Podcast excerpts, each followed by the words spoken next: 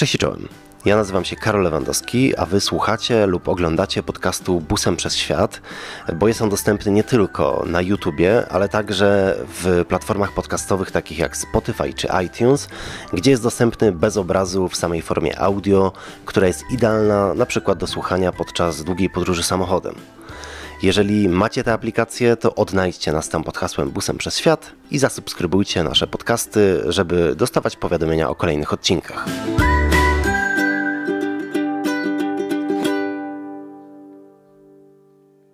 A gościem dzisiejszego odcinka jest Mateusz Waligura. Pierwszy człowiek na świecie, który w 58 dni przeszedł samotnie pustynię Gobi, drugą po Saharze największą pustynię świata.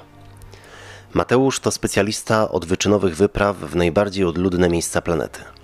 Na koncie, poza samotnym przejściem pustyni Gobi, ma też rowerowy trawers najdłuższego pasma górskiego świata Andów, samotny rowerowy przejazd przez najtrudniejszą drogę wytyczoną na Ziemi Canningstock Route w Australii oraz samotny pieszy trawers największej solnej pustyni świata Salar de Uyuni w Boliwii. W dzisiejszym podcaście porozmawiamy z nim m.in. o tym, czego boi się samotny człowiek na pustyni i po co ludzie wyruszają w tak ekstremalne wyprawy. Zapraszam do słuchania. Znamy się od jakichś dwóch lat osobiście, ale my Ciebie poznaliśmy już dużo wcześniej, bo trafiliśmy na Ciebie po raz pierwszy na Kolosach, kiedy występowałeś ze swoją opowieścią o podróży, o samotnej podróży rowerowej przez Australię, przez szlak Canningstock Route.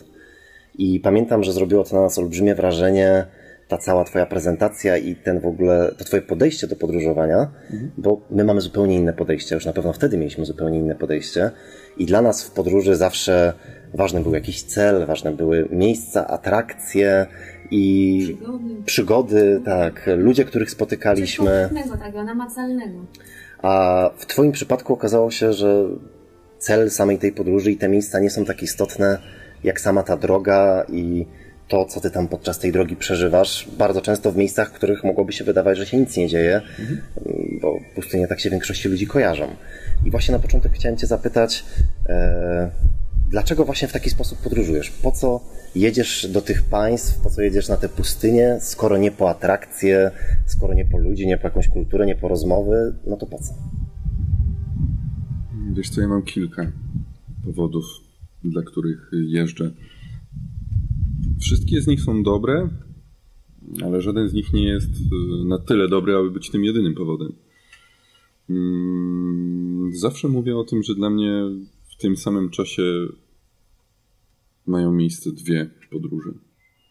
Ta podróż, kiedy moje ciało przemieszcza się po pustyni, czy to w Australii, czy, czy w Mongolii, czy gdziekolwiek indziej, albo na przykład w busie.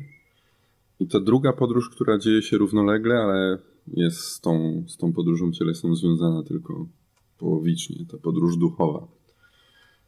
I wydaje mi się, że ruszam w podróż tą fizyczną tylko dlatego, że, że jednocześnie rozpoczynam tę podróż psychiczną, że mogę myśleć o tych wszystkich rzeczach, o których nie mogę myśleć na co dzień, bo najzwyczajniej w świecie nie mam na to czasu.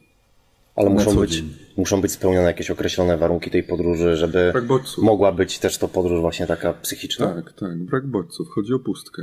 Dlatego ja słowem pustynia nie definiuję tylko pustyni z punktu widzenia geograficznego, ale wszystkie miejsca odludne, gdzie nie ma ludzi, gdzie nie ma banerów reklamowych, nie ma internetu. To jest ten czas, kiedy możesz zwolnić, wyciszyć się. Nikt, mówiąc kolokwialnie, nie zawraca ci głowy i jednocześnie nic nie przykuwa twojej uwagi. I jeszcze przez pierwsze dwa dni takiego marszu, a marsz jest szczególny, bo, bo wtedy zwalniasz już maksymalnie. Dla mnie chyba obecnie nie ma już lepszego sposobu podróżowania niż chodzenie po prostu. To jest jakby takie naturalne tempo dla mnie obecnie. I już nie wyobrażam sobie, że mógłbym to robić w jakiś inny sposób. Mm, I kiedy idziesz i przez te pierwsze dwa dni jeszcze zastanawiasz się nad tym, co zostało w domu, co mogłeś zrobić, co musiałeś zrobić, myślisz o swoich zobowiązaniach, to potem po tych dwóch dniach już się wyciszasz. Już następuje ten czas, kiedy jesteś tylko ty. Jest droga, która zaczyna się tobą opiekować. Ufasz, że w tej drodze nic złego cię nie spotka. Po prostu ruszasz, bo tak podpowiada ci intuicja, że to jest dla ciebie dobre. I masz ten czas. Masz y, czas na, na to myślenie właśnie. I to jest ta podróż, mm, ta podróż psychiczna, mentalna, która dla mnie jest obecnie najważniejsza. Nie zabrzmi to dobrze, ale ta podróż fizyczna, kiedy ja faktycznie idę albo jadę na rowerze, to jest tylko pochodna. To jest katalizator, bez którego nie ma tej podróży w głowie. Innymi słowy, kiedy nie idę, to nie jestem w stanie osiągać tych stanów, które osiągam na pustyniach, po prostu maszerując albo jadąc na rowerze. A właśnie wcześniej podróżowałeś rowerem. Tak, podróżowałeś i przez właśnie Boliwię, i przez Australię, z tego co pamiętam. I z roweru zrezygnowałeś dlatego, że to był dodatkowy bodziec jakiś? Czy to nie było twoje tempo? Tempo roweru jest idealne, bo nie jest ani za szybkie, ani za wolne. Po prostu jest w punkt. Ja na rowerze spędziłem e, półtora roku w Ameryce Południowej razem z moją żoną Agnieszką. Następnie na tych rowerach pojechaliśmy przez e, cztery pustynie w Australii, tym szlakiem Canning Road, bo po raz pierwszy byliśmy na tej drodze razem. Dopiero potem e, w kolejnym roku wróciłem sam i o tej właśnie podróży opowiadałem wówczas na kolosach. Kiedy jedziesz na rowerze, to zachowujesz ciągłość podróży. Ja zawsze przyrównuję podróże rowerowe do czytania książki. Kiedy bierzecie sobie książkę busem przez Australię, to na co zwracacie uwagę jako czytelnicy? Na piękne okładki. Ja zwracam uwagę na to, że sam jestem autorem tej, autorem tej książki, więc chyba nie powinienem jej czytać. Zróbmy zatem tak, że idziesz do, do sklepu z książkami, do księgarni i widzisz książkę Trek. Pierwszą rzeczą, która może przykuć waszą uwagę jest, jest okładka. Potem obracasz tę książkę na drugą stronę i czytasz, o czym jest ta książka, co inni o niej napisali. Kim jest autor? Na To przykład. też dla nas jest istotnie ważne. I dopiero, dopiero wtedy może sięgniesz do tego, co jest w środku. Jesteś wabiony przez te okładki. I takimi okładkami niech będą mm, Cusco, dawna stolica Inków. Mieliście okazję być? Jeszcze nie. Wszystko przed wami. Jest, jest plan. Niech, naszej niech, zatem tą, tą, tą, tą pierwszą okładką będzie Cusco, dawna stolica Inków, a tą ostatnią stroną, tą okładką na końcu, niech będzie Lima, obecna stolica Peru. Te miejsca są fantastyczne. Są kolorowe, barwne, przyciągają uwagę. Ale najfajniejsze są te wszystkie małe wioski, które są między tymi okładkami. Czyli ta treść, tak jak w książce. I, i kiedy jedziecie na rowerze, to chłoniecie tę treść i nie opuszczacie nic po drodze. Jedziecie od A do Z, ale przez A, B, C, D i tak dalej, i tak dalej. Dzięki temu, że musicie przekręcić tym, tym rowerem każdy kilometr, słyszycie wszystkie zapachy, czujecie, słyszycie wszystkie dźwięki i czujecie wszystkie zapachy. Niczego nie opuszczacie, zachowujecie ciągłość tej podróży. Ja nie wiem, czy, czy, czy z busem jest tak samo. Natomiast Właśnie chciałem powiedzieć, że, do, że dobrze to rozumiemy, bo nasze podróże od takich normalnych podróży, gdzie ktoś na przykład jedzie do Australii, leci samolotem, odwiedza sobie wybrzeże tam w okolicach Sydney, potem wsiada w kolejny samolot czy nawet autobus i dostaje się do wielkiej rafy koralowej, to w tych normalnych podróżach ludzie omijają to wszystko, co jest po drodze. My, przez to, że podróżujemy swoim autem, musimy się dostać tam, musimy przejechać całą tą trasę. Jeszcze dodatkowo ten samochód jedzie bardzo wolno. I właśnie my też u siebie zauważyliśmy to, że to, co najciekawsze widzieliśmy w Australii, to były te wszystkie nieturystyczne miejscówki po drodze, małe miasteczka, czy te pustynie, które my po prostu musieliśmy pokonać, musieliśmy się tam zatrzymać, a jeszcze dodatkowo przez to, że nie korzystamy z hoteli, tylko śpimy po prostu na dziko tam, gdzie staniemy, no to jesteśmy jeszcze bliżej tego wszystkiego. I jak my się rozłożymy z tym kolorowym busem gdzieś na środku pustyni, to jeżeli w promieniu kilkudziesięciu kilometrów są jakikolwiek człowiek tam jest, to on nas zobaczy, przyjdzie do nas i gdzieś tam zagada i, i, i wtedy poznamy coś, czego nie poznalibyśmy będąc w hotelu. Ale myślę, że jak ty jedziesz rowerem czy idziesz na piechotę, to to jest jeszcze razy tysiąc. Jest jedna różnica. Kiedy jedziesz busem, kiedy jedziecie busem i zaczyna padać deszcz, to zamykacie okno. Kiedy robi się gorąco, to te okna otwieracie i w jakiś sposób się wietrzycie, chyba że macie w busie klimę. No właśnie, nie mamy klimy i w Australii pamiętam było tak gorąco, że nie można było otwierać okien. Bo jak otwieraliśmy okna, to to powietrze po prostu już parzyło po twarzy. Była. Kiedy I- jedziecie na rowerze i pada, to jesteście mokrzy. Kiedy wieje, to czujecie to, jak wieje. Czasem nie jesteście w stanie kontynuować swojej podróży, bo wieje tak mocno. Na przykład w Patagonii. Innymi słowy, stajecie się... Bardzo nie chciałbym tego spłycić. częścią tego świata, w pełni zintegrowaną częścią. Należycie do tego świata, który właśnie przemierzacie. Odczuwacie wszystko na tej waszej drodze. Jak pada, jesteście mokrzy, jak wieje, jest wam ciężko. Kiedy jest gorąco, smażycie się na skwarkę. I to w rowerze zawsze mnie fascynowało. To to pełne zintegrowanie z tym światem. A mnie to zawsze przerażało, jak na przykład jechaliśmy przez Australię, nie, przez Stany akurat tutaj w tym przypadku, był atak tych szerszeni, jakaś, nie wiem, trąba powietrzna, którym gdzieś przechodziła i te szerszenie tak waliły w Szarańcze. Szarańcze, Mhm. szarańcze. Tak, tak. Obijały się tak mocno jak grata tego busa.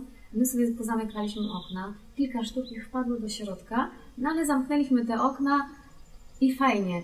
Potem jedziemy kawałek dalej, rowerzysta jedzie. Mhm. No to my się zatrzymujemy koło niego i wiesz, pytamy, czy wszystko ma, czy wszystko okej, czy czegoś mu nie trzeba, cokolwiek, czy coś No, zawsze nawet jak widzimy, nie, wiesz, ci rowerzyści, oni nigdy nie stoją, nie machają białą flagą, że proszę się zatrzymać i tak dalej, błagają o pomoc, ale my jak widzimy albo rowerowych, albo pieszych podróżników zawsze stajemy, pytamy, czy czegoś im nie trzeba, czy na pewno nie uzupełnić jakichś zapasów i tak dalej. Tak zresztą Szymona Nitkę poznaliśmy, jadąc po Australii, e, Islandii. przepraszam, po Islandii do Landmana Laugar. Zobaczyliśmy, że po takiej szutrowej drodze, gdzie nic nie ma, jedzie dwójka rowerzystów i nawet nie wiedzieliśmy, że oni są z Polski wtedy. I zatrzymaliśmy się po prostu, bo byliśmy w szoku, że tacy ludzie jadą tym rowerem. Nam busem jest ciężko jechać, a to dopiero w taki sposób. I właśnie a propos tego, bo ci ludzie, jak się zatrzymywaliśmy i jeżeli mogliśmy im jakoś pomóc, to tą pomoc przyjmowali. Ty z tego co wiem, pomocy nie przyjmujesz podczas swoich podróży i twoje podróże są, przynajmniej podróż e, przez Gobi teraz, e, są e, takim rodzajem podróży bez wsparcia z zewnątrz. Czy możesz powiedzieć, na czym to polega i dlaczego się zdecydowałeś na coś takiego? Ja tylko ja nie wiem, na czym to polega. Nikt nie wie. Ale w twoim takim, bo wiadomo, że każdy pewnie to inaczej rozumie. Dla mnie bez wsparcia z zewnątrz oznaczało, że wcześniej nie przygotowuję sobie zrzutów wody i żywności na swojej potencjalnej drodze, którą przejdę, bo ja nie wiem, którędy pójdę przez te pustynie. To jest fascynujące, że ja nie mam wcześniej opracowanej trasy, kiedy wiem, że pójdę tędy, tędy i tędy i tutaj będę miał 40 batonów Mars albo Snickers i się najem i po prostu głód już mi przejdzie i wszystko będzie dobrze. Nie ma czegoś takiego. Dwa, nie ma ze mną samochodu, który mi towarzyszy jest takim zabezpieczeniem na wypadek, gdyby się coś wydarzyło, to mogę się tym samochodem ewakuować. Eee, oraz i z dzisiejszego punktu widzenia uważam, że to jest idiotyczne i raczej nigdy nie będę tego powtarzał. Odmawiam pomocy ludzi spotykanych po drodze. Mm, Ale dlaczego powiedziałem, że nie wiem, co to znaczy bez wsparcia z zewnątrz? Bo wszyscy podróżnicy, nazwijmy ich w dużym cudzysłowie ekstremalni, mm, zakładają, że wyprawy unsupported, unassisted, czy jeszcze inne un, to są te, te wyprawy jakoś lepsze, te trudniejsze. Dla mnie wyprawa bez wsparcia zewnątrz oznacza, że wyruszam z punktu A, idę do punktu Z i jestem zdany tylko i wyłącznie na siebie. Nie przygotowałem nic wcześniej. Mm, Nie ma nikogo, kto może mi pomóc. Innymi słowy, ze wszystkim muszę poradzić sobie sam, chociaż to, co dla mnie jest bez wsparcia zewnątrz, dla innych jest nieakceptowalne, bo na przykład używam leków przeciwbólowych albo mam ze sobą telefon satelitarny, co dla, co dla purystów y, stylu jest wykluczone. Problem polega na tym, że puryści stylu najczęściej nie ruszają się z domu. Na te wszystkie dywagacje taki Amundsen 100 lat temu po prostu by się uśmiechnął pod nosem, zapalił fajkę i poszedł robić swoje. Więc moim zdaniem te wszystkie dyskusje o stylu mają coraz, coraz mniejszy sens i, i mniejsze znaczenie. Mm, No są tacy, Szczególnie- są tacy, którzy za wyprawę bez, bez wsparcia uznają wyprawę, podczas której sami niosą swój bagaż, a nie mają tragarza. A są tacy, którzy będą płynąć na kajaku i zamiast wiosłować złapią się za motorówkę i ta motorówka będzie ich ciągnąć, ale oni powiedzą, że no ale sam własną ręką tą motorówkę trzymałem, więc to było bez wsparcia. Słyszałem, że, że tak się zdarza. Więc podejścia są różne. Niech jednym przykładem będzie to, że przed rok przede mną przez Gobi szedł zespół trzyosobowy, para z Australii i Brytyjczyk, którzy zgłosili swoje przejście do Księgi Rekordów Guinnessa jako pierwsze na świecie przejście pustyni Gobi unsupported, czyli bez wsparcia z zewnątrz, a przed nimi jechały dwa samochody, które wyszukały im, wyszukiwały im źródła wody i czasem przygotowywały posiłki, więc To, co dla jednych jest bez wsparcia z zewnątrz, dla innych niekoniecznie musi być tym samym. I ja mam coraz mniejszą ochotę na branie udziału w tych dyskusjach. A dlaczego Nie się robię- zdecydowałeś na takie akurat? Żeby było jeszcze trudniej, czy żeby było jeszcze mniej tych bodźców? Bo wydawało mi się to takie bardzo uczciwe wobec, wobec mnie samego. Takie fair, że jeśli chcę faktycznie być samotnym na pustyni, przecież nie ma zazwyczaj czegoś takiego jak samotność na pustyni, bo nawet jeśli jedziecie przez, interno, przez interior w Australii, to co jakiś czas spotkacie jakichś ludzi w samochodach terenowych albo aborygeńską osadę. Tak. Nawet jeżeli to jest dwa razy dziennie, to chociaż te dwa razy dziennie. Tak samo na, na Gobi. Gobi jest pustynią od setek lat czasowo zamieszkiwaną przez nomadów i to, co dla mnie było fascynujące, to to, że ja nigdy nie wiedziałem, czy kogoś spotkam. I bo, bo oni nie żyją w, jakby w stale zorganizowanych osadach. To się zmienia na Gobi. Ale zazwyczaj jest tak, że nomadzi rozkładają swoją jurtę, a w kolejnym roku już są w innym miejscu. Ja o tym nie wiem. Yy, Z tego powodu to dla mnie było bardzo atrakcyjne, że zakładając, że pójdę przez tę pustynię, zrobię to sam. To czy spotkam ludzi, czy nie, nie wiem tego. Ale takie były założenia, że, że będę samowystarczalny i to miało dla mnie wartość, miało dla mnie sens. Dla mnie. I będę to zawsze podkreślał. I nic nikomu do tego. Ale uwielbiamy oceniać wyprawy innych, uwielbiamy o nich rozmawiać godzinami, uwielbiamy o nich rozmawiać tym bardziej, jeśli jakaś wyprawa wyda nam się zagrożeniem dla tego, co sami robimy. I ja coraz bardziej się od tego odcinam. Może dlatego chodzę po pustyniach, bo no coraz częściej stwierdzam, że to, co do zaoferowania mają mi inne osoby, jest dla mnie nieatrakcyjne. Powoduje we mnie smutek, niedobre myśli. A kiedy jestem na pustyni, wszystko wraca na, na swoje miejsce.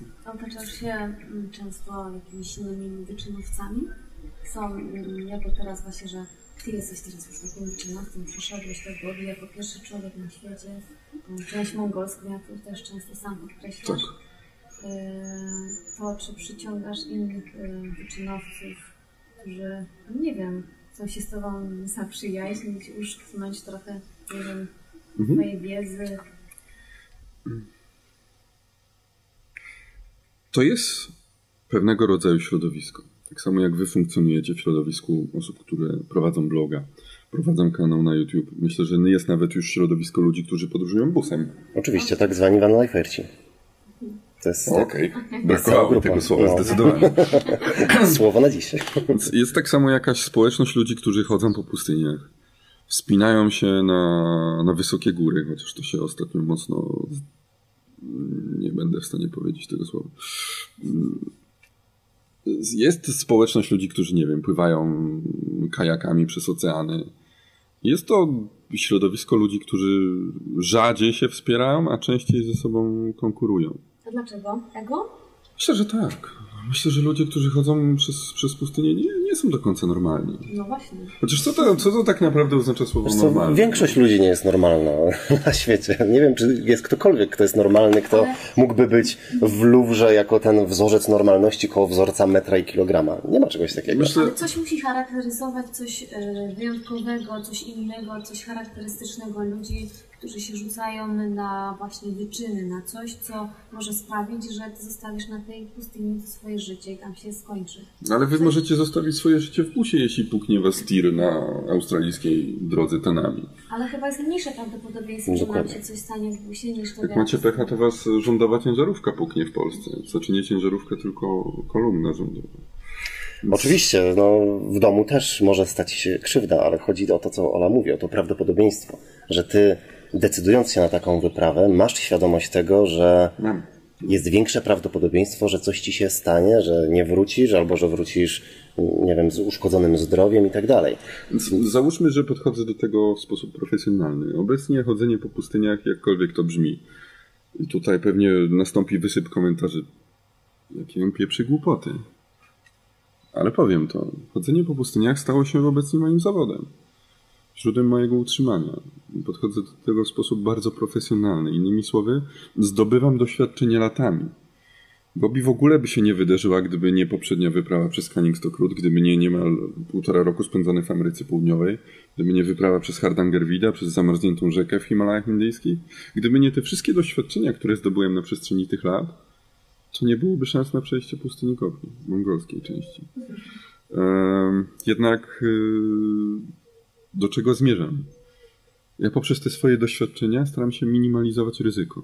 Wiem, czego mogę się spodziewać na pustyni. Wiem, jakie zagrożenia muszę zaakceptować. Bardzo bawi mnie to, kiedy Himalaiści jadą na zimowe K2 i bardzo często narzekają na to, że jest zimno. No mój Boże, no to jest zima w Karakorum, tam musi być zimno. Jak tam jest zimno, to jedźcie w lecie, to będzie cieplej. Tak jak było w tym filmie. Więc ja staram... Zima, w zimie jest zimno. Ja jadąc na pustynię staram się nie narzekać na to, że tam są węże, no bo one tam są, one tam były przede mną i będą tam na długo po mnie. A jak jesteś na tej pustyni, to żyjesz tą pustynią i myślisz właśnie e, o tym, że są te węże, że jest gorąco, że nie wiem, może przyjść za chwilę burza piaskowa i tak dalej, czy żyjesz czymś innym? Jakimś, nie wiem, myślisz o, o swoim życiu, które zostawiłeś w Polsce i masz wreszcie czas na takie przemyślenia? I tak, i tak. Innymi słowy, masz czas na przemyślenie, masz bardzo dużo czasu. Jedyne co robisz to jedzenie, spanie i chodzenie. Mm, natomiast to wygląda w zależności od wyprawy mm, bardzo różnie. Mm, w Australii czułem, że, że jestem zżyty tą ziemią. Kiedy kładłem się wieczorem do snu w namiocie, a spałem tylko w moskitierze w siatce, miałem wrażenie, że czasem ta droga której leżę, a rozbijałem się na drodze. Nie miałem siły po prostu szukać lepszego miejsca do spania, bo to była wykańczająca wyprawa. Poza tym tam po nocach raczej mało kto jeździ tą drogą, żeby rozjechać swój namiot. Zdecydowanie. Tak. Nikt po piwo nie skacze o pierwszej w nocy tamtędy. Miałem wrażenie, że, że, ta, że ta ziemia drży. Że czuję jakby każdy, każde poruszenie tej ziemi. Czułem bardzo specyficzną więź z tą drogą, z tym miejscem. Tego brakowało mi na Gobi. Na Gobi warunki zmieniały się w przeciągu minut. Pamiętam taki wieczór, kiedy panowała martwa cisza. Myślałem o tym, ha, odpocznę, wyśpię się, spędzę spokojną noc. A tej nocy przeżyłem swoją pierwszą burzę piaskową w swoim życiu, która nastąpiła po, po godzinie od tego, kiedy rozbiłem w martwej ciszy namiot. To było dla mnie przerażające i na Gobi brakowało mi tego poznania tej pustyni przeciągu tych prawie dwóch miesięcy do końca nie czułem, że ja coś o tej pustyni wiem. Przez tą zmienność nieprzewidywalność. Tak, tak, tak. I dlatego nie potrafiłem do końca tej więzi z Gobi nawiązać. I kiedy przyszedł taki moment, kiedy uszkodziłem ścięgno Achillesa jeszcze w Altaju gobijskim mm, i zacząłem się zastanawiać, okej, okay, no to wracam do domu, koniec, bo nie, nie mogę założyć buta, tak, tak spukła mi noga czy ja kiedyś będę chciał tutaj wrócić? I, i wtedy czułem, że nie chciałbym. Że nie chciałbym więcej wracać na Gobi, ale kiedy w końcu udało się już doturlać do końca, no to wtedy już, już jakieś tam zaczątki tej, tej, tej więzi istniały. I im więcej czasu upływa od tego, chyba wy też tak macie, nawet jeśli wam się w jakimś miejscu nie podoba, to po upływie jakiegoś czasu może myślicie o tym, trochę lepiej. Ten czas jednak zaciera te Ja myślę, że za parę lat nawet gimnazjum będę dobrze wspominał. Raczej nie był to mój ulubiony okres życia. Z pustyniami jest tak samo. Kiedy Idealizuje się wszystko. Kiedy są te niebezpieczeństwa, to sobie mówisz, nigdy więcej tutaj nie wrócę. Nie ma szans. Potem wracasz. Co, co każdym razem. Po raz Ale wracasz, rozumiem, bo w pewnym sensie jest to uzależniające? Myślę, że tak, że ta adrenalina, bo nie odpowiedziałem ci na pytanie, przepraszam. Zapytałeś mnie o to, o czym się myśli. Więc myśli się, masz ten czas, kiedy myślisz o różnych rzeczach, natomiast podświadomie wiesz, że musisz być skupiony. Bo każdy najmniejszy błąd powoduje problem. Problem, który z perspektywy domu rozwiązałbyś od tak. Już rozwiązałabyś. A tam na pustyni nikt nie przyjedzie, nikt ci nie pomoże. Twój mały problem nagle urasta do wielkiej ranki to wcale nie znaczy, że będziesz musiał skończyć swoją podróż, bo jeśli ją skończysz, to ją pewnie rozpoczniesz jeszcze raz. Ale to mogą być problemy nieodwołalne. I ja muszę akceptować to ryzyko, też te niebezpieczeństwa, o których mówiliśmy wcześniej. Ja jadąc na pustynię, akceptuję to, że tam są węże, że tam są burze piaskowe, przygotowuję się do tego najlepiej jak potrafię, a na to, na co nie mam wpływu, nigdy nie będę go miał i tego nie zmienię. Ale mimo wszystko jadę tam. Bo pewnie jestem uzależniony od tego skupienia, od tych silnych emocji, od adrenaliny po prostu. No właśnie te podróże, które my robimy, one są dla nas uzależniające. A wydaje mi się, że nie ma w nich aż tylu emocji, co w takich ekstremalnych podróżach jak u ciebie, gdzie jest taka adrenalina, taka często walka o życie, że aż ciężko mi sobie wyobrazić, jak bardzo to musi być uzależniające. Walka o życie. Już mamy scenariusz do filmu. No ale prawda jest taka, że kiedy my ruszamy w podróż, to każdy całkowicie nam się przewartościowuje to wszystko, całe nasze życie i w takiej podróży to, co jest najważniejsze, to to, żeby mieć gdzie się zatrzymać, mieć coś zjeść, mieć wodę, żeby się napić, czyli tak, na, no tak tak naprawdę jest, jest to, pustyni. jest, to walka, jest to walka o życie. Nawet w naszym, w naszym e, wydaniu po prostu cała podróż jest skupiona na przetrwaniu. No to u ciebie to naprawdę jest walka o życie, więc nie, nie chodzi o to, że ja sobie żartuję i wiesz, i, i że faktycznie to jest scenariusz na film, że ty tam walczysz o życie, a tak nie jest. Wydaje mi się, że tak My jest. mamy Każdy dzień jest walką o 100 życie. wody. Ale to sa, sami, sami decydujemy, w jaki sposób opowiadamy o swojej podróży i jak chcemy, by była ona postrzegana. Sami jesteśmy kreatorami tego, jak się o tej podróży mówi, jak się ją widzi. To, czego nauczyły mnie wszystkie moje dotychczasowe wyprawy, to jakieś takie uczucie pokory. Nieprzecenianie wartości słów. Mm, Więc ja nie mówię o tym, że jadę tam walczyć o życie. Walczyć o życie to walczyli ludzie, którzy szli przez, przez Gobi uciekając z syberyjskich łagrów. To A, była no walka właśnie, o życie. Tak, jak właśnie rozmawialiśmy z Karolem o twojej podróży kiedyś i, i właśnie było, że Mateusz Waligura, pierwszy człowiek, który przeszedł Gobi, a Karol pierwsze co, "A co z tymi wszystkimi sybirakami? Oni nie nagrywali vlogów, nie Dokładnie. zdjęć. Nie mieli tylu followersów na Instagramie. To prawda. To była walka o życie. Oni nie mieli wyjścia. Ja tam byłem na wakacjach. Ja byłem na wakacjach, do których przygotowywałem się przez 3 lata. Miałem ze sobą specjalną żywność, miałem wózek, który umożliwiał mi transport do 90 litrów wody, bo potem zaczynały Miałeś pękać spawy. 90 litrów wody?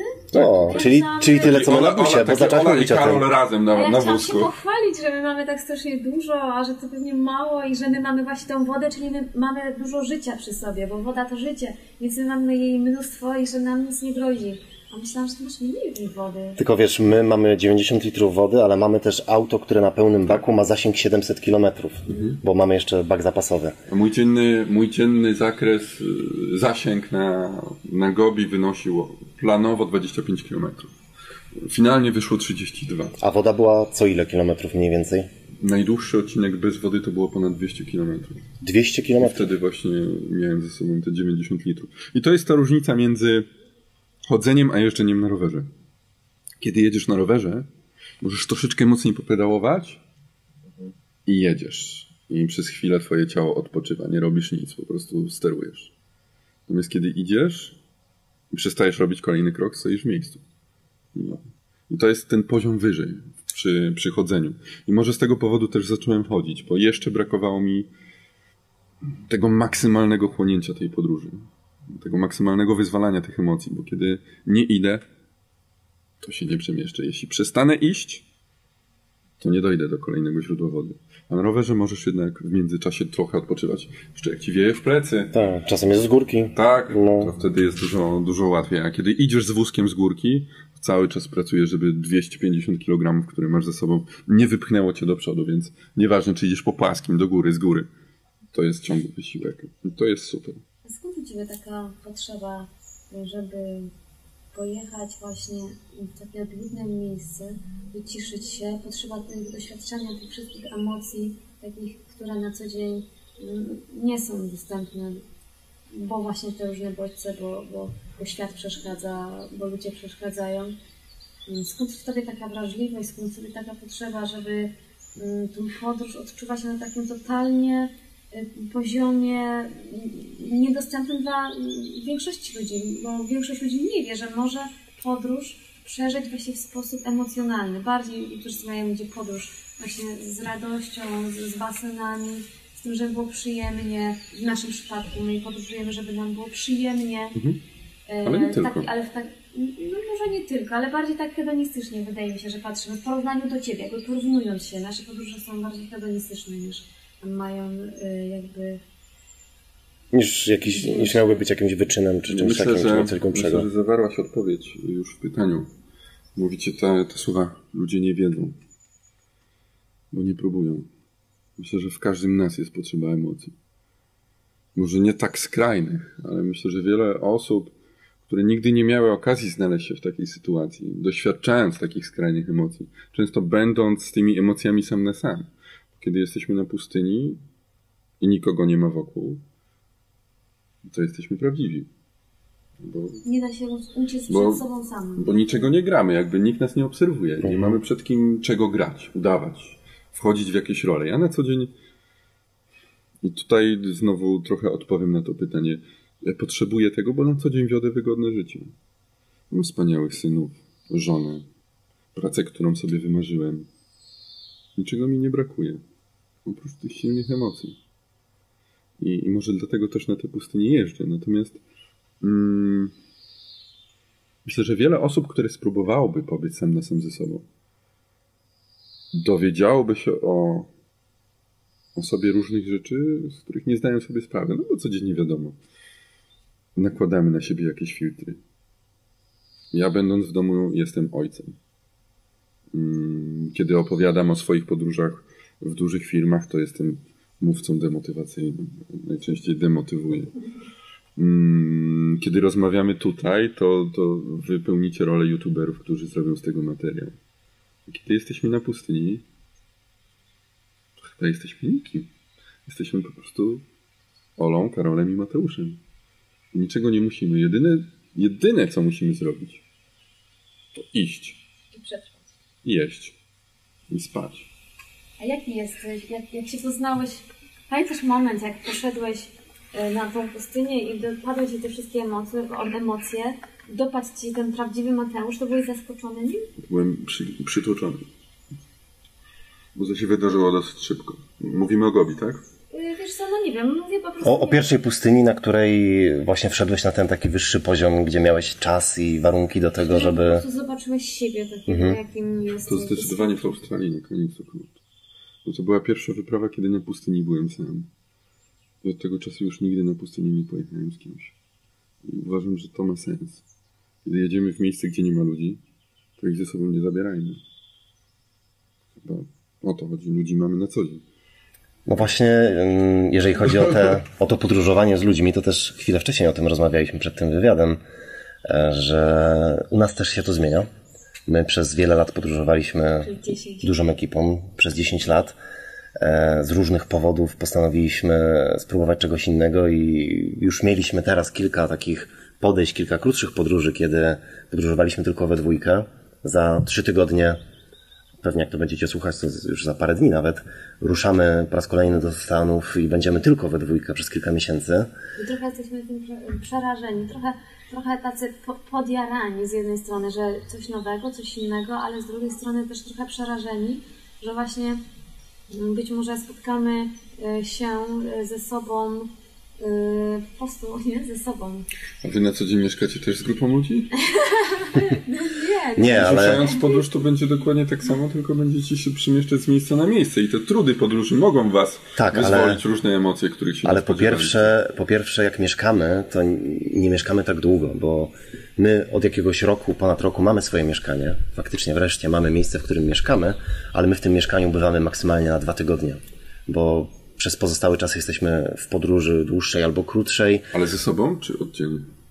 E, w podróży też razem jesteśmy. Podróżujemy albo razem, albo jeszcze z innymi ludźmi. Nam się nie zdarzyło nigdy samotnie podróżować. Ja najdłużej podróżowałem może przez tydzień sam kiedyś rowerem gdzieś po Polsce. Mhm. Ale to nie było na tyle długo, żeby gdzieś tam już wejść na ten level, kiedy wiesz, zauważam, że faktycznie jestem sam i no, jednak no i podróżowałem po Polsce, to też. No, ciągle, byłem, ciągle byłem z innymi ludźmi.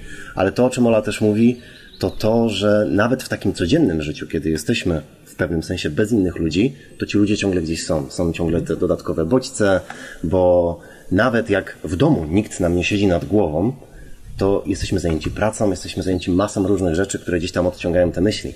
A teraz jak pojedziemy na kilka miesięcy w podróż, to też mamy zamiar nie skupiać się tak bardzo na tworzeniu treści czy, czy na jakiejś naszej pracy, to będzie gdzieś tam trochę na bok odłożone, przez co też tych filmów i tych treści będzie mniej, za co już przepraszam. Bo wiem, że liczyliście na codzienne filmy, ale tych codziennych filmów nie będzie. Będą filmy co kilka dni i wiemy, że e, że właśnie będzie czas na to, żeby gdzieś tam więcej myśleć o tym wszystkim i tak dalej. I się trochę obawiamy, jak to będzie. Jesteśmy ciekawi, no ale jesteśmy na to zdecydowani. Ale od czego, do czego dążyłem na początku, a propos tych różnych sposobów podróżowania? Bo ty też doświadczyłeś właściwie każdego sposobu podróżowania, jeżeli chodzi o podróżowanie z ludźmi, bez ludzi, małą grupą, dużą grupą, bo jako e, przewodnik podróżujesz z większą grupą ludzi. Teraz po pustyniach podróżujesz sam, ale podróżowałeś też ze swoją żoną, z Agnieszką e, przez bodajże półtora roku we dwójkę najdłużej, tak? Wtedy po Ameryce Południowej. I, Tak. i dlaczego z tych wszystkich sposobów akurat ten, to w pojedynkę, te, te samotne podróże są ci najbliższe? To nie jest tak, że są mi najbliżsi. To jest to też bardzo charakterystyczne, o czym powiedziałeś, że ja próbowałem najróżniejszych sposobów podróży, jeśli chodzi o ilość ludzi w zespole, ale też o sposób przemieszczania się. I rowerem, i pieszo, i na rakietach, i po zamarzniętej rzece. To wynikało z tego, że ja próbowałem znaleźć swoją drogę zawsze.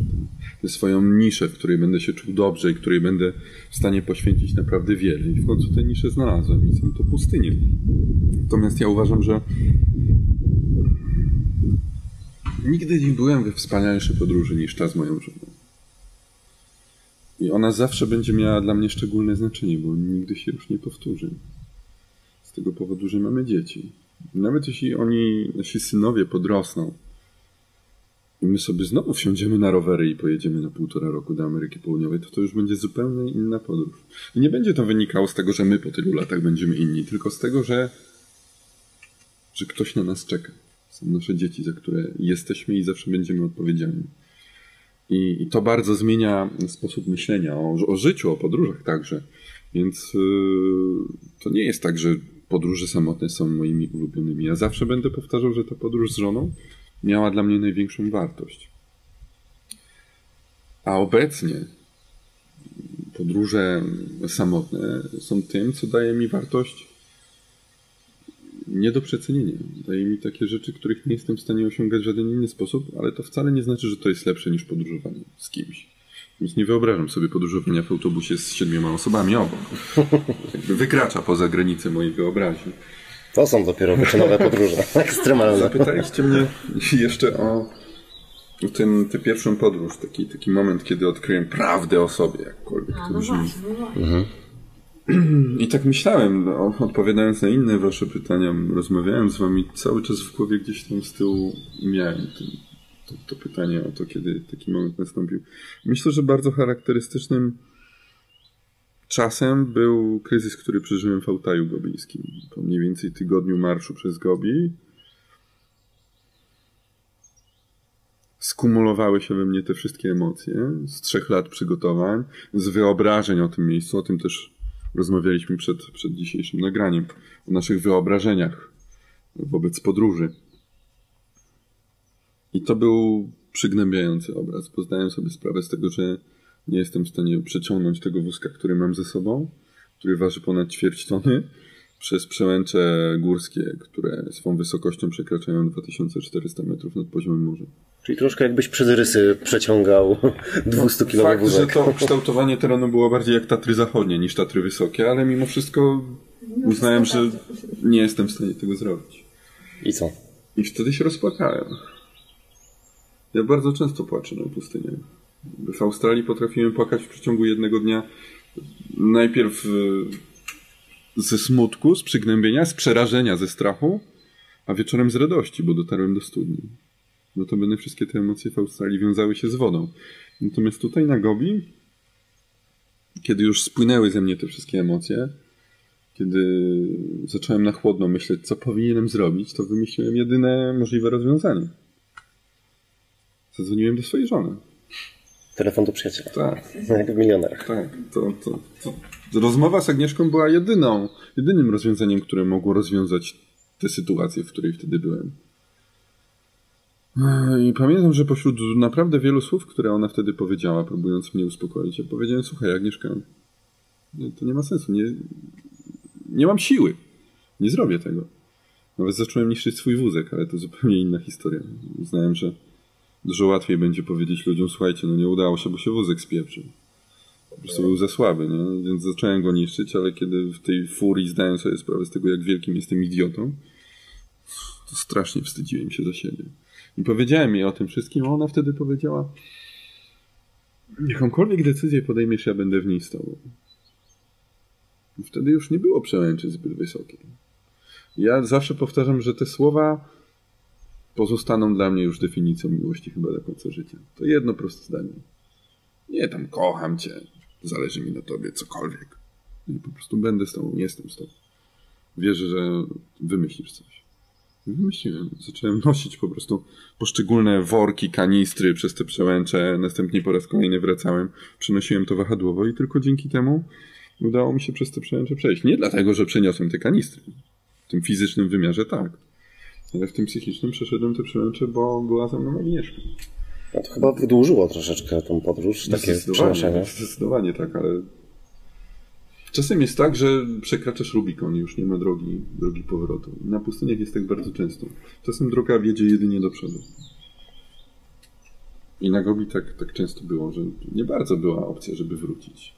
Na przykład nie miałem wystarczających zapasów wody, żeby wrócić do poprzedniej studni. Mm, I trzeba było iść do przodu. A wspomniałeś, że zdarzało ci się też w tych podróżach płakać ze strachu. I czego człowiek się obawia na takiej pustyni podczas takiej podróży? Co budzi taki największy strach tam? Albo co ciebie tak przeraziło, że doprowadziło cię... Awaria sprzętu.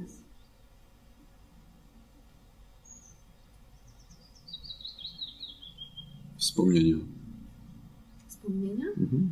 Bo jesteś na Gobi, ale głową jesteś 10 lat wcześniej.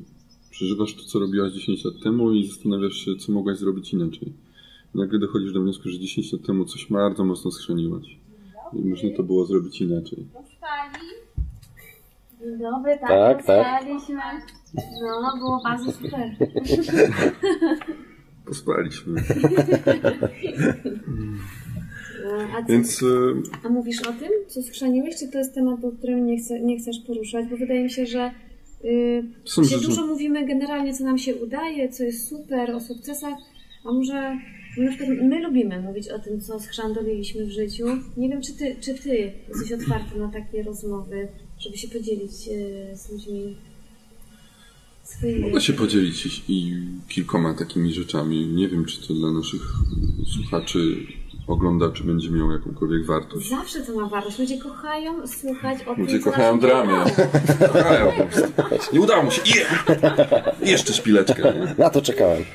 No nareszcie coś się dzieje. Nie? Wiesz, jak Potem komentarz, e, oglądajcie dopiero 40 minuty. Ej, No bo wszyscy wiedzą, że przeszedłeś tę gobi, że jesteś wyczynowcem, że Ale nie wszyscy-. Nie wszyscy, nie wszyscy wiedzą, że to kosztowało mnie olbrzymie problemy ze zdrowiem. No właśnie. Nie wszyscy zdają sobie sprawę z tego, że to kosztowało mnie problemy ze zdrowiem, z których ja sam nie zdaję sobie teraz sprawy, ale będę sobie zdawał za 20 lat. Nie wszyscy wiedzą, że aby żyć z podróżowania w taki sposób, w jaki to robię, musiałem podporządkować temu wszystkie decyzje w moim życiu w przeciągu ostatnich 12 lat. A to jest w zasadzie całe moje dorosłe życie. Skończone kierunki studiów, nawet żonę poznałem na kursie przewodników górskich. Jakby to wszystko dążyło do tego, co robię teraz. I kiedy idę sobie przez to gobi, zdaję sobie sprawę z tego, że jestem mistrzem w tym, co robię. Jestem wspaniały. Doskonale chodzę po pustyni. Ale nie potrafię nic innego. W przeciągu 12 ostatnich lat swojego życia dążyłem do tego, żeby chodzić po pustyni. Jednocześnie zaniedbałem wszystkie inne możliwości, które mogłem w swoim życiu wykorzystać. To jest cena, którą zapłaciłem za to, że, że spełniam jakieś swoje młodzieńcze marzenia. Jest mi z tym dobrze, to nie jest tak, że się żalę. Ale jednocześnie to jest taki koszt niematerialny, z którego nie zdajemy sobie sprawy. Gdybym doznał teraz wypadku, mm, który na przykład posadziłby mnie na wózku inwalidzkim, to ja nie miałbym zielonego pojęcia, co mam robić w swoim życiu. Ja nie potrafię nic więcej. Znaczy, potrafię robić różne rzeczy. Robię zdjęcia, coś tam piszę. Właśnie, właśnie chciałem powiedzieć, że takie same myśli czasami. tak, ale z drugiej strony uważam, że jesteś troszeczkę zbyt surowy dla siebie, bo faktycznie poświęciłeś bardzo dużo i skupiłeś się na tym i w tym jesteś mistrzem, ale pomimo tego, że jakieś inne działki swojego życia zaniedbałeś przez to, to to też nie jest tak, że ty do końca życia teraz musisz być tylko, e, musisz mieć na wizytówce napisane e, Professional Desert Walker. ty Nigdy w życiu nie miałem wizytówek. Nadal nie ma. Bo... Ale, ale mam nadzieję, no, że jakbyś miał, to tak by wyglądała. e, ale naprawdę wykształciłeś sobie przy okazji masę innych umiejętności, które nawet gdybyś przestał chodzić po pustyniach, to dalej jesteś dobry w wielu różnych rzeczach. Mógłbyś pomagać innym w organizacji wypraw, bo jesteś specem od organizacji wypraw. Mógłbyś robić te zdjęcia, mógłbyś, no jesteś super mówcą, więc mógłbyś też występować, niekoniecznie opowiadać o podróżach, ale o czymś innym. Masz masę innych umiejętności, z których bardzo często podróżnicy nie zdają sobie sprawy. I bardzo często właśnie mówią, że jedyne co ja umiem robić, to podróżować. No ale to nie jest tak. Podróże to nie są tylko wakacje, więc jak potem przenosisz to do zwykłego życia, to, to nic ci się nie przydaje. Jest masa umiejętności, które są przydatne w innych sferach życia. Okej. Okay. Załóżmy, że zaczynam organizować wyprawy, ale to nie sprawia mi frajdy. Robię to, żeby żyć. Ale nie żyję tym. A to... Z chodzeniem po pustyni tak jest. No ale na samym, na samym chodzeniu po pustyniach nie zarobisz pieniędzy, bo to nie jest tak, że za każdy twój krok wpływa złotówka na, no tak. na konto. A... No, ale i nareszcie zaczynamy rozmawiać o pieniądzach. To w takim razie czy to, co robisz, żeby jednak zarobić i na, te, na to chodzenie po pustyniach, i na życie, to sprawia ci przyjemność, te pozostałe rzeczy? Sprawia, ale w dużo mniejszym stopniu niż samo przebywanie na pustyni. Bo są środkiem do tego. Ja bardzo, ja bardzo często. Bardzo dobrze to ująć. Rzeczy, które robię tutaj, są środkiem, który pozwala mi do te, dążyć do tego, żebym był na pustyni. Czasem spotykam się z takim zarzutem Ligura przecież on poszedł przez to gobi, obkleił się tymi wszystkimi logotypami, żeby teraz móc opowiadać te swoje wszystkie historie. Eee, I robić wrażenie na innych.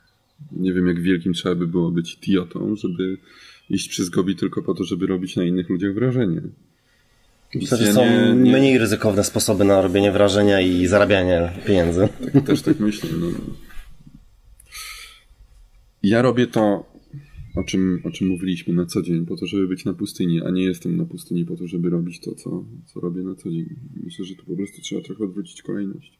Mamy jedno życie ostatecznie. Jakkolwiek to brzmi patetycznie, ale.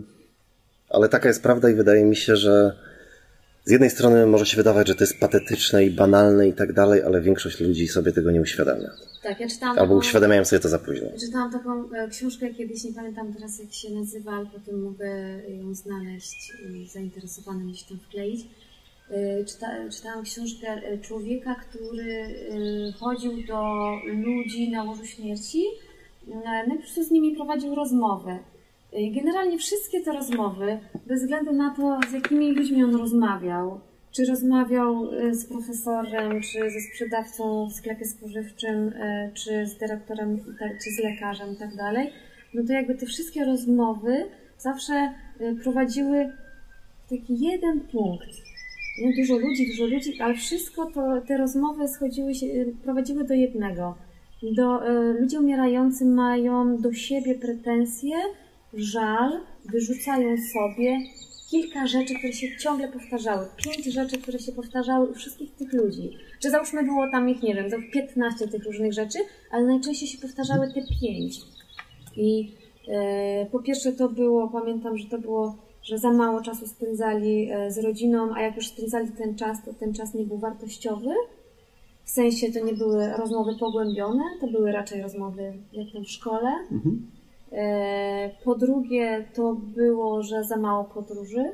Za mało, za, za, tak, za mało podróży.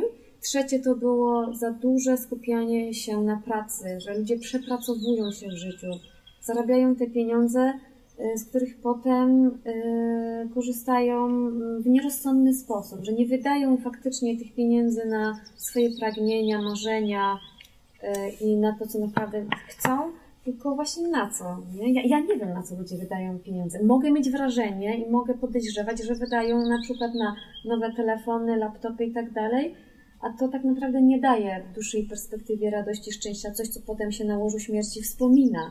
I podejrzewam, że to może być to. Ale właśnie jest jedno życie, nie? A potem na końcu tego życia y, ludzie sobie wyrzucają i żałują różnych, y, różnych rzeczy. Więc kurde, no, jest jedno życie, to nie jest patetyczne, to jest po prostu stwierdzenie faktów, no, to jest. A nawet jak jest reinkarnacja, to ty nie będziesz pamiętać, że miałeś poprzednie życie, więc po co ci to poprzednie życie, jak ty nie pamiętasz o nim? Mhm. Masz żyć tutaj, tutaj, teraz, teraz skorzystać, bo, bo już więcej nie, nie będzie szansy. Najlepiej by było, gdyby każdy człowiek e, po urodzeniu, albo przynajmniej już w momencie takim, w którym ogarnia, co się do niego mówi, właśnie miał wyraźnie powiedziane, ktoś go złapał, tak za bety potrzepał i mu powiedział, słuchaj, masz jedno życie i, i, i żyj tak, żebyś nie żałował, mając 90 lat tego życia, ale z drugiej strony się trochę obawiam, jakby świat wyglądał, gdyby wszyscy ludzie sobie to uświadomili. Myślę, że Może jednak lepiej, No. gdy jest tak jak jest. To jednak nie mówcie ludziom, że mamy jedno życie. nie, nie, słuchajcie, macie wiele żyć. Róbcie to, co robicie dalej. Ale te porażki, no, co zapaliłeś? Hmm. Pojechałem do Australii, kiedy mój syn miał półtora miesiąca. To była wielka porażka. To To był twój pierwszy syn. Tak, no. To była ta opowieść, która zrobiła na nas wrażenie. Chociaż Tak, tak. taki był jej cel. Nie chciałeś zrobić na nas wrażenia? Nie, Nie, nie po to występowałeś na kolosach? Nie dla nas? Nie dla naszej dwójki? wybaczcie. Ojejku, teraz złamałem wam życie. Tak. Nie, chciałem o tym opowiedzieć, żeby zrzucić sobie ten ciężar. Myślę, że też tak czasem macie, że mówicie o czymś tylko dlatego, że kiedy powiecie, To jest wam Oczywiście. Więc ja wtedy miałem taki okres swojego życia, że chciałem o tym opowiedzieć i nie opowiadałem o tym już później. Teraz trochę do tego wracam, ale już te emocje są trochę inne po, po takim upływie czasu. Mm, przemyślałem sobie bardzo dużo i wtedy nie. Ja wam trochę nakreślę, jak to wyglądało. Kiedy wiedzieliśmy, że spodziewamy się syna, byłem przekonany, że jestem na to gotowy. Ile miałeś lat wtedy? 5 lat temu miałem 28 lat. Ale jednocześnie uznałem, że tuż po urodzeniu swojego syna pojadę do Australii, spróbować przejechać tę drogę, co nie udało nam się rok wcześniej. To będzie przecież doskonały czas. Kiedy on będzie taki malutki, to nie będzie pamiętał, że mnie nie było. To nie będzie mu tego brakowało. I tak myślałem do momentu, kiedy pierwszy raz wziąłem go na ręce.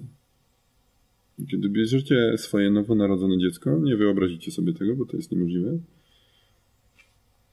Wszystko się zmieni. Już wtedy poczułem, że już wtedy wiedziałem, że robię coś, coś złego. Ale nie wycofałem się z tego. Pojechałem do tej Australii. Mm. I teraz już wiem, że to był błąd. Wtedy jeszcze tego nie wiedziałem. Bo zupełnie inaczej jest, kiedy sobie wyobrażacie, jak to będzie, jak to dziecko się pojawi. A Jest zupełnie inaczej, kiedy ono już jest. I te silne emocje, które wtedy targały mną na pustyni, sprawiły, że ja prawdopodobnie, mówię prawdopodobnie, bo to taki sprytny sposób na zabezpieczenie się, już bym więcej tego nie zrobił. Zrobiłbym to inaczej. Kiedy przyjechałem do domu, to zdałem sobie sprawę z tego, że może mój syn czegoś nie stracił, ale to ja stracił, bo ja nie byłem przy nim w tym bardzo ważnym momencie jego życia, kiedy on to swoje życie na tym, na tym świecie rozpoczynał. Za 20 lat on nie będzie mnie już szczególnie potrzebował. Może przyjedzie, przywita się. Będziemy żyli swoimi własnymi odrębnymi życiami, ale to on mnie wtedy bardzo potrzebował. I i ze względu na moją decyzję, obaj straciliśmy w tej relacji. Łącznie wszyscy straciliśmy, bo Agnieszka też. Dzisiaj bym już tego nie zrobił. To jest jedna z tych rzeczy, które skrzeniłem w życiu najbardziej. Ale nie wiem, czy to cokolwiek wniesie. Hmm. Że to powiedziałem. Myślę, że bardzo dużo zniesie. A nie, czemu nie zrezygnowałeś z, tej, z tego wyjazdu? Bo było półtora miesiąca do wyjazdu i co, wszystko było ustalone? Yy, Bo wizja całkowitego zmiany mojego życia przerażała mnie dużo bardziej niż wizja pokonania najtrudniejszego, najtrudniejszego na ziemi. No to tak samo, no. Nam się ciężko było zorganizować e, swoje własne wesele i odciągaliśmy je bardzo długo. Było łatwiej nam zorganizować wyprawę na Alaskę na trzy miesiące niż e, swoje własne wesele. Ale to też nie jest tak, że ja od tego. Znaczy. Pewnie od tego uciekłem. Ale ja nie uciekam od, od, od problemów w podróż. Nigdy nie traktuję tego na takiej zasadzie, że dobra, to zostawię to, to, co jest tutaj i sobie pojadę i tam wszystko będzie super. Ale ludzie tak traktują często podróż. Ja, ja wcale nie uważam, że wszyscy powinniśmy podróżować. Wręcz przeciwnie, ja lubię mówić o tym, że pustynie są nudne i nic tam nie ma, bo im mniej ludzi na pustyniach, tym lepiej. Dlatego nie zachęcam do tego, żeby ludzie jeździli na pustynię. Monotonia, nic się nie dzieje, emocje jak na grzybach. Lepiej pojechać na Alaskę. No my też kochamy pustynię, tak. Pustynie, pustynie nas zdecydowanie łączą. My też nie dopytujemy Cię jakby dokładnie o, o samą pustynię, dlatego właśnie, że my też kochamy pustynię i my wiemy o czym Ty mówisz, one są nam bliskie i właśnie często ludzie mogą, e, często mówią, ale przecież tam nic nie ma. I odchodzi. ale Właśnie o to chodzi, no, że, że właśnie tam nic nie ma. Więc I- no, Ja tylko bym chciał coś wtrącić, bo przed chwilą powiedziałeś, że nie traktujesz swoich podróży jako ucieczkę przed jakimiś problemami, które zostawiasz w domu czy w Polsce. E, Ale kiedyś gdzieś napisałeś czy powiedziałeś, że traktujesz podróże jako ucieczkę przed rzeczami, na które się nie zgadzasz, przed rzeczami, które gdzieś w świecie cię wkurzają. Uciekam przed ludzką głupotą. Przed ludźmi uciekam. Przed ludzką agresją, zawiścią. To Okay. Przed tym na pewno uciekam. To jest jedyne, co możesz zrobić. Uciec. Jestem przerażony tam, tym, jak, jak wysoki jest, jest poziom agresji wobec, wobec siebie. Ludzkiej agresji, zawiści, złości. Jestem przerażony tym, jak bardzo jesteśmy podzieleni, jak próbuje się nas dzielić. Tych lepszych, gorszych, mądrzejszych, lewych, prawych, to nie jest mój świat. Nigdy się na taki świat nie pisałem.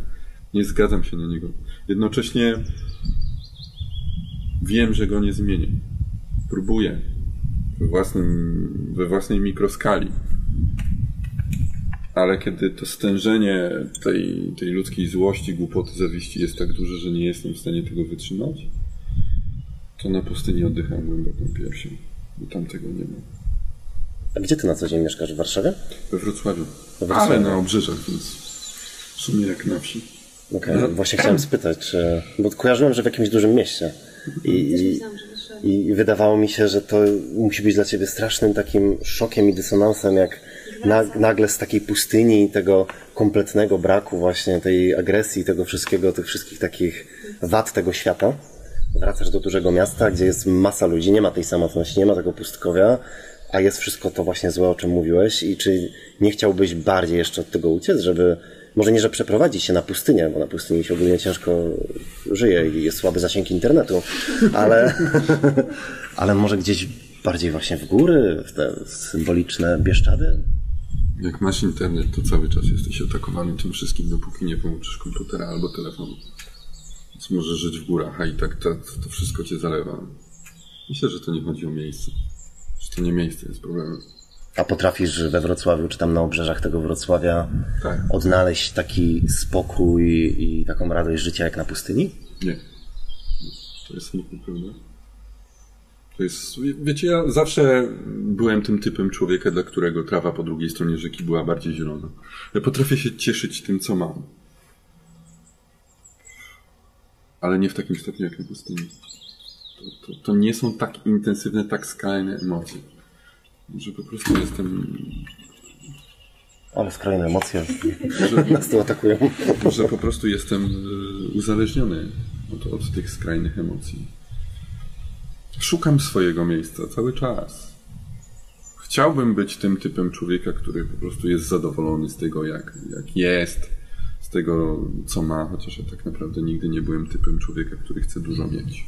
Wręcz przeciwnie, im mniej, tym lepiej, bo mniej rzeczy przykuwa Twoją uwagę. Mm, I uczę się tego. Myślę, że idzie mi z tym coraz lepiej. Jak się uczysz tego? Staram się stanąć z boku, stanąć z perspektywy. Uważam, że wiele rzeczy jesteśmy w stanie ocenić dopiero kiedy wychodzimy z siebie. Teraz wyjdę na czubkę. Nie, ja Ale siedzę sobie, siedzę sobie z dzieciakami przy śniadaniu i z żoną. I nagle przychodzi mi taki przebłysk, taka myśl. Wszystko jest super, wszystko jest idealnie. Na- nagle zdajesz sobie sprawę z tego, że jesteś dokładnie w tym miejscu, w którym chciałeś bądź chciałaś być. Niczego ci nie brakuje.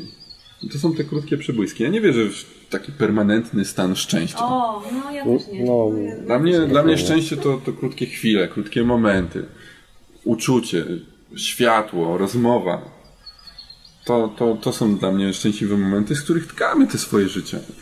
Ale też myślę, że całe szczęście, że nie ma czegoś takiego jak permanentne szczęście, bo to jest jak ze wszystkim. Jak masz czegoś pod dostatkiem tak bardzo dużo, to w pewnym momencie przestaje cię to cieszyć. I myślę, że gdybyśmy potrafili być non-stop szczęśliwi, to to szczęście już by osłabło i wcale byśmy nie byli tak szczęśliwi, jak byliśmy na początku, czy jak jesteśmy teraz, kiedy to są takie pojedyncze piki tylko w naszym życiu. I my też mamy coś takiego z podróżą że kiedyś jeszcze, jak zaczynaliśmy podróżować i podróżowaliśmy tylko jeden miesiąc w roku, to nam się wydawało, że szczytem naszego szczęścia będzie coś takiego, że będziemy non-stop w podróży, że będziemy 12 miesięcy w roku. I dążyliśmy do tego, co roku wydłużając te nasze podróże. 2, 3, 4 miesiące, pół roku i tak dalej. I doszliśmy w pewnym momencie do takiego wniosku, że jeżeli podróż trwa dłużej niż te 3-4 miesiące, to już przestaje nas aż tak bardzo cieszyć. I że od tego też potrzebujemy się zdystansować, potrzebujemy wrócić do Polski, posiedzieć w tym mieszkaniu, trochę nie, nie podróżować w tym czasie, żeby znów wrócić w tą podróż i z takim trochę resetem tych emocji. To chyba też chodzi o docenienie tego, co masz na co dzień. Kiedy jesteś na pustyni i nie ma wody w kranie, to wracasz do domu, odkręcasz kran i patrzysz, jak, jak cieknie z niego woda. Zamykasz, otwierasz, zamykasz, jarasz się tym, że masz wodę w kranie. Nielimitowaną ilość, ciepła, zimna. Nie wiem, czy wy tak macie na co dzień. Mieliśmy tak... po- Mamy wodę na- co dzień, w sensie nie Ale nie, chodzi, chodzi... To, to dobrze wam się wiecie. Warto robić te YouTube. Tylko, że wciąż y, 8 miesięcy w roku mieszkamy w busie, gdzie jednak woda jest ograniczona, ale wiadomo, że nie jest ograniczona tak jak na pustyni. Ale pamiętam, że po 4 miesiącach w Australii, gdzie tą wodę mieliśmy ograniczoną bardzo i ją uzupełnialiśmy co kilka dni, te nasze 90 litrów na 5 osób, co też sprawiało, że każdą kropelkę gdzieś tam się liczyło, to na pewno nie w takiej skali jak ty, ale też mieliśmy coś takiego, że jak wróciliśmy do cywilizacji, i zobaczyliśmy nagle, że woda po prostu jest, że ją odkręcasz i ona się po prostu leje i ty nie musisz jej szukać, walczyć o nią, oszczędzać i tak dalej. Dopiero wtedy zaczęliśmy to doceniać. I to też jest coś, czego nie jesteś w stanie komuś wytłumaczyć. Musisz Nie. tego doświadczyć, żeby to zrozumieć. Musisz doświadczyć braku, żeby docenić, że ta mała rzecz, pozornie mała rzecz, którą masz, to jest coś fantastycznego. To jest powód do tego, żeby się uśmiechnąć, żeby być szczęśliwym, nie? żeby docenić to, że ta, że ta woda jest. Ale to, to naprawdę nie chodzi tylko o wodę. Ja pamiętam, że po podróży przez takie kraje jak Boliwia czy Peru na rowerze, gdzie biwakowaliśmy z Agnieszką w naprawdę najróżniejszych szemranych miejscach, ja miałem takie momenty, kiedy już zasypiając w domu, po powrocie do Polski, leżąc w łóżku tuż przed zaśnięciem, myślałem, ojejku, jak jest super. Jestem w swoim łóżku, nikt mi nie wbije na chatę w nocy. Nie rozpęta się burza, jestem bezpieczny, mogę po prostu zasnąć i się wyspać, niczym nie martwiąc. No ale nie, nie pomyślałbym o tym nigdy w taki sposób, gdybym nie przeżył tych wszystkich biwaków gdzieś na Flandach. A kiedy wracasz z tych swoich podróży, to ciężko ci się odnaleźć w tej normalnej rzeczywistości i, i tak przestawić na takie inne życie? Powrót z Gobi był ciężki. Tak? Miałem taki okres, że przez 7 dni leżałem na łóżku i patrzyłem w sufit. I nie, nie robiłem nic więcej. I co wtedy sobie myślałeś, tęskniłeś za pustynią? Myślałem, że, że miałem totalne uczucie bezsensu tego wszystkiego, co zrobiłem. No Ja chyba tak... Przeżyłeś sobie Gobi, jesteś pierwszym człowiekiem i w ogóle, ale poczułeś się e, po powrocie bezsens, że, że, że to było bez sensu. No ale jakie to ma znaczenie, że jestem pierwszym człowiekiem, który przyszedł? Ale- Mogę ale- sobie zrobić notkę w Wikipedii. Każdy może sobie zrobić. I... To powiem ci, że myślałem, że masz na odwrót, bo ja kiedyś tak miałem, pamiętam, po jednej dłuższej podróży, że jak wróciłem, to też miałem poczucie bezsensu, ale nie poczucie, że ta podróż, którą właśnie skończyłem, była bez sensu, tylko że to życie, do którego wróciłem, że ona jest bez sensu. To była Zgadzasz głęboka się? myśl.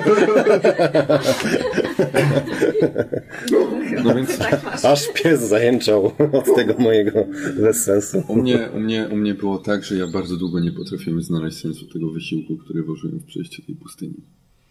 Czasem tak chyba mamy, że czekamy na jakieś przełomy w naszym życiu. Jakieś po prostu moment, który zmieni nasze życie na lepsze, na takie życie z naszych wyobrażeń.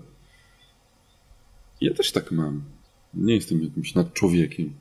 Też czekam na takie momenty, tylko one nigdy nie nastąpią.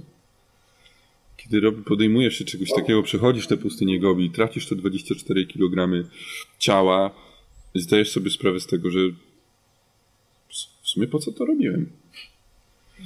E, To jest, jest ci przykro. Ja po tych siedmiu dniach leżenia w końcu wstałem, bo uznałem, że, że trzeba. Chyba w nawyk mi to weszło, że trzeba wstać i iść. Mm, To nagle dostrzegłem to, że świat, który wokół mnie funkcjonuje bez zmian. I świat, który jest wokół mnie, ni- w ogóle się nie zmienił. Jakby moja siedmiodniowa absencja niczego w tym świecie nie zmieniła. To jakby dało mi poczucie tego, że tyle, albo jeszcze mniej znaczy dla tego świata. I to było dla mnie ważne odkrycie. I z tym brakiem poczucia sensu, po co to chodzenie po pustyniach, walczyłem bardzo długo. Znaczy, walczyłem, no, tkwiło to w mojej głowie. Teraz już, już wiem po co. Już wiem też, że nie potrafię odpowiedzieć na pytanie, co podróż przez Gobi zmieniła w Twoim życiu. Na dzień dzisiejszy przytyłem 28 kg po powrocie. No to, to tyle, tyle, tyle to zmieniło. Natomiast Ale skoro odkryłeś po co, no to po co w takim razie? No i wracasz do pierwszego pytania z tej rozmowy, czyli do, żeby do puenty. Bardzo dobrze. Przeszedłem. mm, Po co, po co poszedłem na pustynię Gobi, tak? Tak, no bo powiedziałeś, że po powrocie wydawało ci się, że to było wszystko bez sensu, ale jednak przemyślałeś to i odkryłeś, że był jakiś sens tego wszystkiego. Nie, nie, nie, nie, nie odkryłem, że, że był jakiś. Tak jak powiedziałem na początku, było wiele powodów, dla, dla których to zrobiłem. Jakby wszystkie wymieniłem w tej rozmowie. Nie wiem, czy chcecie, żebym je jeszcze raz taką ładną listę ułożył. Natomiast y, wtedy sobie zdałem sprawę, kiedy wstałem y, z tego łóżka, że ta droga była dla mnie ważna, nawet jeśli nie zmienia życia innych ludzi. No bo chodzenie przez pustynię niczego nie zmienia. Nie poprawi waszego losu losu innych. Ale to była droga ważna, bo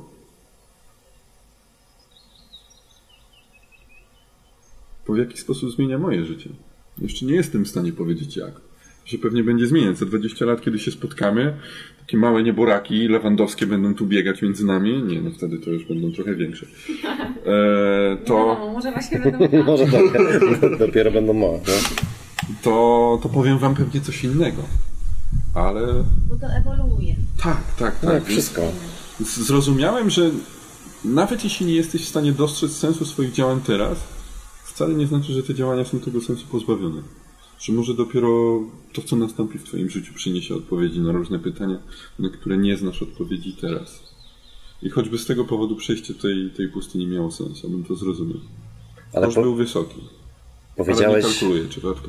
powiedziałeś, że według ciebie ta podróż niczego dla innych ludzi nie zmieniła, to twoje przejście pustyni i tak dalej, nie, nie wpłynęło na życie innych ludzi, ale właśnie nie wiem, czy mówisz to, bo jesteś skromny, czy faktycznie wydaje ci się, że nie, nie zmieniła tego Może w życiach innych ludzi. Może nikt ci tego nie powiedział, ale Mówi, mówią mi to ludzie bardzo często, natomiast wydaje nam się, że faktycznie zmienia to życia innych ludzi. I nie, nie w takim sensie, że wiesz, że każdy twój krok wpłynął na to, że y, jakaś wojna się zakończyła gdzieś na drugim końcu świata, czy y, biedne dzieci w Afryce dostały darmowego hamburgera za każdy twój krok, ale twoja historia i to, że poradziłeś sobie z czymś tak niewyobrażalnym, jak przejście takiej pustyni samotnie, to wpływa na życie innych ludzi, bo ludzie, którzy potem, może nie wpłynęło wtedy, bo jeszcze nie wiedzieli tego, bo nie śledzili na bieżąco, bo nie robisz daily vlogów, niestety, z tej swojej podróży, ale jak już wróciłeś, jak się dowiedzieli o tym, jak opowiadasz, teraz jeździsz po takich wystąpieniach, to ludzie słuchając tego bardzo często zmieniają swoje życie pod wpływem twojej historii,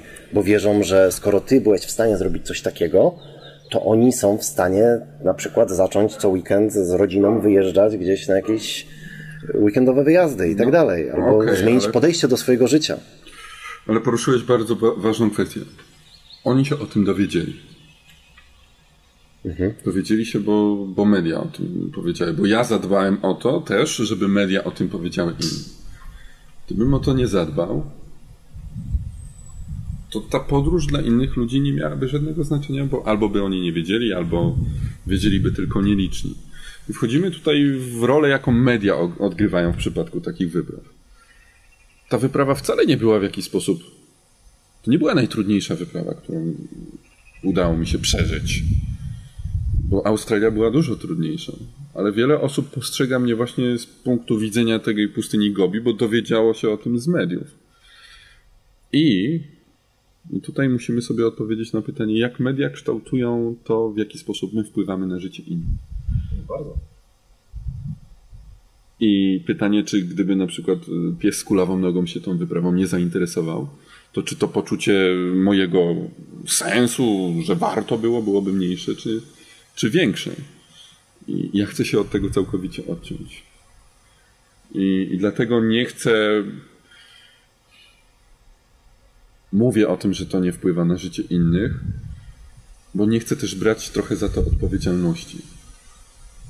Bardzo często dostaję różne wiadomości od osób, które piszą mi, że na przykład ciężko chorują, a wpisy, które robię gdzieś tam w mediach społecznościowych albo, albo na stronie internetowej sprawiają, że to dodaje im odwagi w walce z tą chorobą, albo tym podobne wiadomości.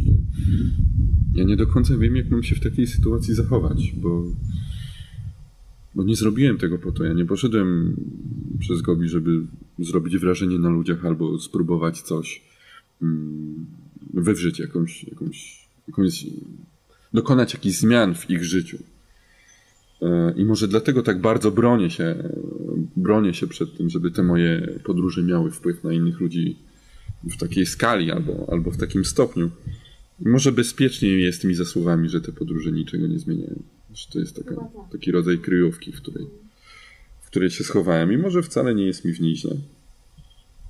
Wspomniałeś o tym, że e, podczas tej ostatniej podróży i ogólnie tak przez ostatnie lata swojego życia czekałeś na ten taki moment, kiedy nagle twoje życie zostanie będzie, będzie coś takiego, że się to życie zmieni i, i, i będzie ten taki drastyczny przeskok. I z jednej strony wydaje mi się, że już robisz to, co kochasz, że już twoje życie jest takie, jakbyś chciał, żeby było, ale powiedziałeś, że jednak czekasz na taki moment. No to w takim razie jak byś chciał, żeby twoje życie wyglądało, żeby było jeszcze lepsze? Co byś jeszcze chciał zmienić? Mamy drugą godzinę na nagranie, tak?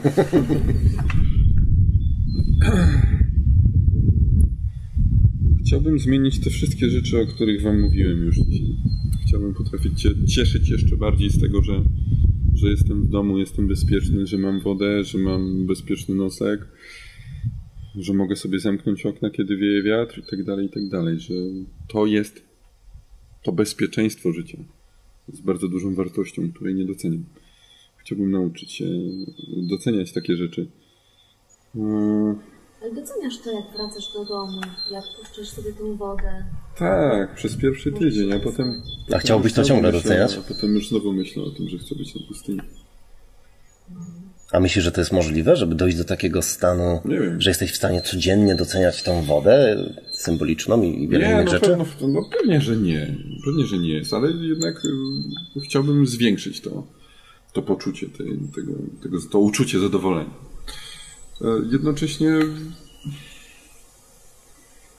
to jest chyba to, z czym zmaga się każdy facet mający dzieci. Mianowicie to, że chciałby być dla nich jak najlepszym ojcem. Ja myślę, że mogę być lepszym ojcem dla swoich synów. I to jest to, nad czym cały czas jeszcze muszę pracować. I to nie będzie taki moment. Na przykład, o, poniedziałek. Dzisiaj już jestem super tatą. Nie ma super momentu. Już powiedziałem to, że takie momenty nie następują. My wszyscy na nie czekamy, ale ich nie ma. Tak samo jak wielu ludzi czeka na ten wymarzony dzień, kiedy wyruszy w swoją podróż życia. Taki dzień nie nastąpi. Jeśli chcesz w nim wyruszyć, to wyrusz najlepiej jutro albo wtedy, kiedy poczujesz, że już. Ale nie czekaj na, na jakiś wyjątkowy dzień. I ja wiem, ja zdaję sobie sprawę z tego. Może czasem sam się oszukuję, że jest inaczej, ale wiem, że takie momenty nie nastąpią. Więc jestem zadowolony z tego, jak wygląda moje życie. Może niech się nie zmieni. Na gorsze. Myślę, że bardzo dobre zakończenie naszej rozmowy. Dziękujemy Ci bardzo Dziękuję. za Twój czas i za rozmowę. Dzięki. A jeszcze jedna rzecz, taka tylko na koniec na szybciutko, bo zawsze pytamy naszych rozmówców o to, gdzie w internecie można śledzić ich podróże, gdzie można się dowiedzieć czegoś więcej. Wiem, że e, niedługo wyruszasz w kolejną podróż e, do Boliwii. Czy pomimo tego, że nie robisz tych daily vlogów, gdzieś będzie można śledzić tą twoją podróż? Na Tak, Snapchacie, na TikToku? tak. na TikToku. E, Na Facebooku chyba najłatwiej. Wiecie, ja nie podchodzę do tego w sposób profesjonalny. Nie mam o tym zielonego pojęcia, ale lubię się dzielić tymi swoimi przemyśleniami. Nie mam w sobie absolutnie cierpliwości, umiejętności i chęci, żeby uzupełniać stronę internetową, a Facebook jest dosyć wygodny, bo po prostu wpisujesz, klikasz, wyślij i jest gotowe, więc na Facebooku najłatwiej po imieniu i nazwisku znaleźć. No to polecamy, bo Na prawdopodobnie pewno też podlinkujecie we wszystkich swoich social mediach, także lada moment stanę się gwiazdą internetu i będę musiał się nauczyć tych wszystkich, wszystkich trików internetowych, ale na razie nie jest to, nie tak, jest to zmartwieniem. właśnie. Pierwsze co po tej rozmowie instalujesz TikTaka i Zaraz znajdę. zaczniesz działać. E, Dobrze, więc y, jak najbardziej zapraszamy, szczególnie, że w momencie publikacji tej rozmowy ty już prawdopodobnie będziesz w podróży, więc będzie to śledzić. Jeszcze raz dziękujemy za rozmowę. Dzięki.